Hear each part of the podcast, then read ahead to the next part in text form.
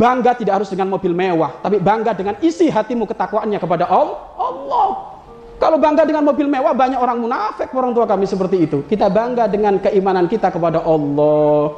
Bangga membawa risalah Nabi Muhammad, Nabi Muhammad Shallallahu Alaihi Wasallam orang tua kami. Kami, tapi ingat bukan berarti tidak ada adab, akhlak tetap, tata krama tetap, tapi ingat tidak boleh merendah kepada seseorang itu gara-gara kekayaannya atau gara-gara jabatannya ya. Malah kalau kita seperti itu tadi kata Imam Ghazali sesungguhnya dia bukan lagi memuliakan kita tapi kita merendahkan. Kenapa? Karena kita akan dihitung dengan urusan duit.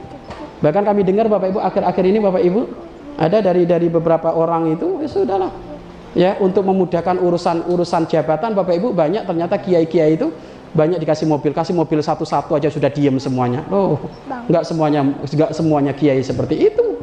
Banyak kiai-kiai yang soleh.